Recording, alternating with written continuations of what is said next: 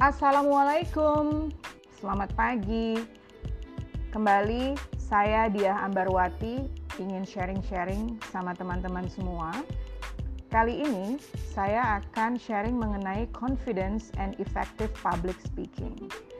Ini juga saya dengar dari sebuah um, forum HR sharing di mana coach yang saya hormati, seorang director of HR dari perusahaan transportasi ternama, itu memberikan tips-tips mengenai bagaimana kita bisa secara efektif berbicara di depan publik.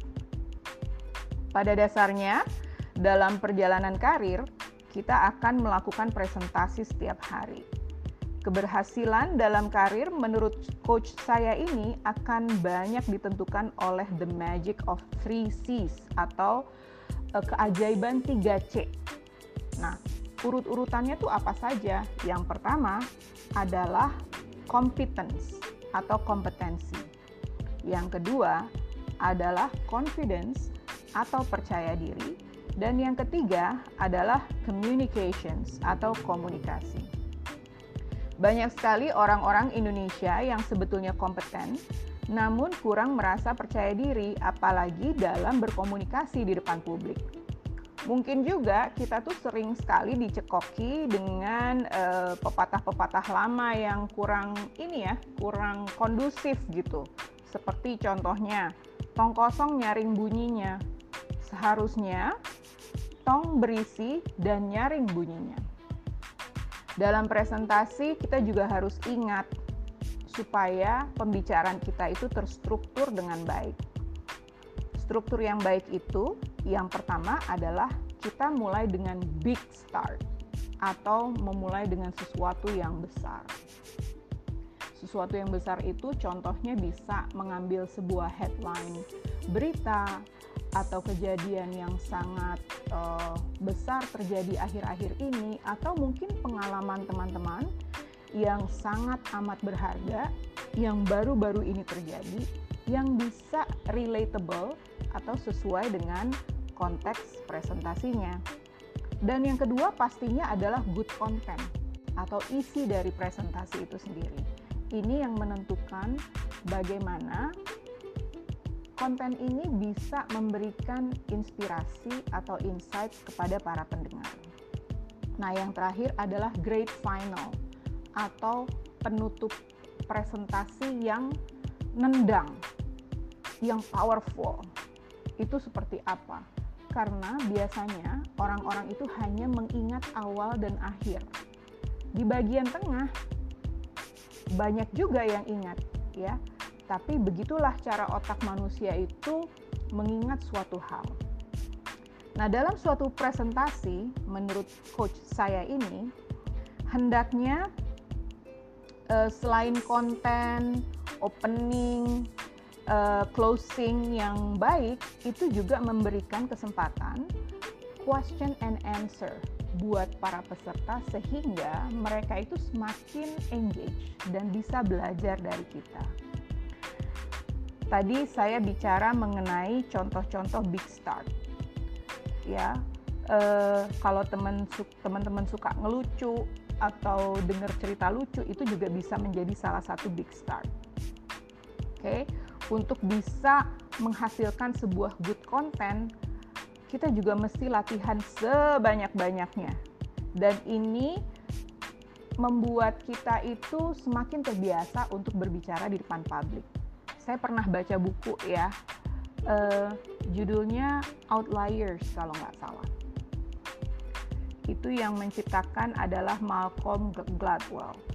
Menurut beliau, katanya sebuah keahlian atau skills itu dibangun dalam waktu 10.000 jam.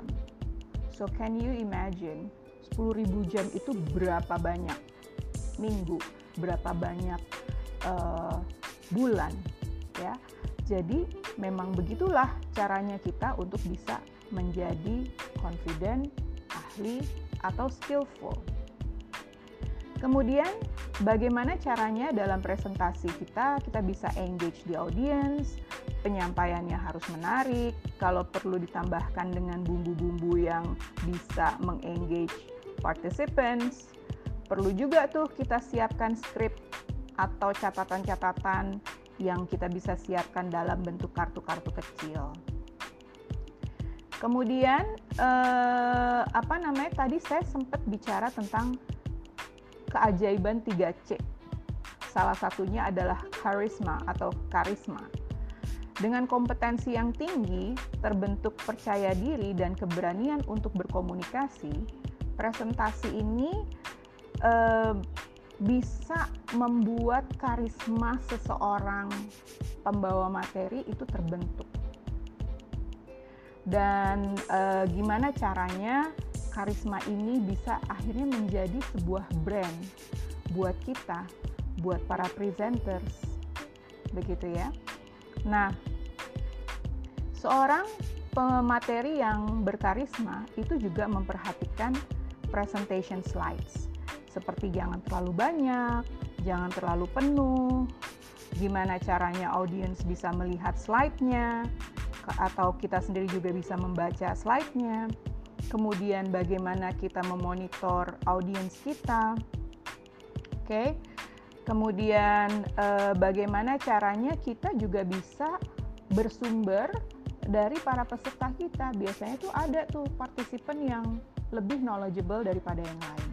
Nah, kita bisa minta mereka untuk sharing juga gitu Kebetulan kalau misalkan ada audience yang millennials, mesti diingat juga mereka itu attention span atau rentang konsentrasinya itu tidak sepanjang generasi yang lain. Mereka suka yang pendek-pendek, harus cepat, mengalir, exciting, dan sebagainya. Akhirnya, mohon diingat bahwa dalam presentasi yang sukses itu ada the magic of 3 C's atau keajaiban 3C. Jangan lupa mulai dengan big start, diikuti oleh good content dan great final. Jangan lupa untuk praktis the confidence 10.000 jam loh teman-teman atau paling tidak setiap hari kita praktis gitu ya. Jangan lupa buat skrip. Jangan lupa mengerti uh, karakter dari audiens kita. Latihan, latihan, latihan. Kalau perlu kita mendapatkan feedback dari teman-teman. Dan yang paling penting, dalam situasi pandemi ini, dunia akan lebih mendigital. Jadi kita belajar yuk bagaimana berkomunikasi secara digital. Kemudian karena manusia juga akhirnya tergerak karena pandemi ini untuk lebih socially aware atau environmentally aware. Mari kita ajak mereka juga untuk lebih open minded, untuk belajar hal-hal yang baru yang bisa menambah wawasan kita dan akhirnya kita bisa keluar sebagai pemenang dari masa-masa sulit ini. Oke, okay, Gen listeners, terima kasih banyak. Wassalamualaikum warahmatullahi wabarakatuh.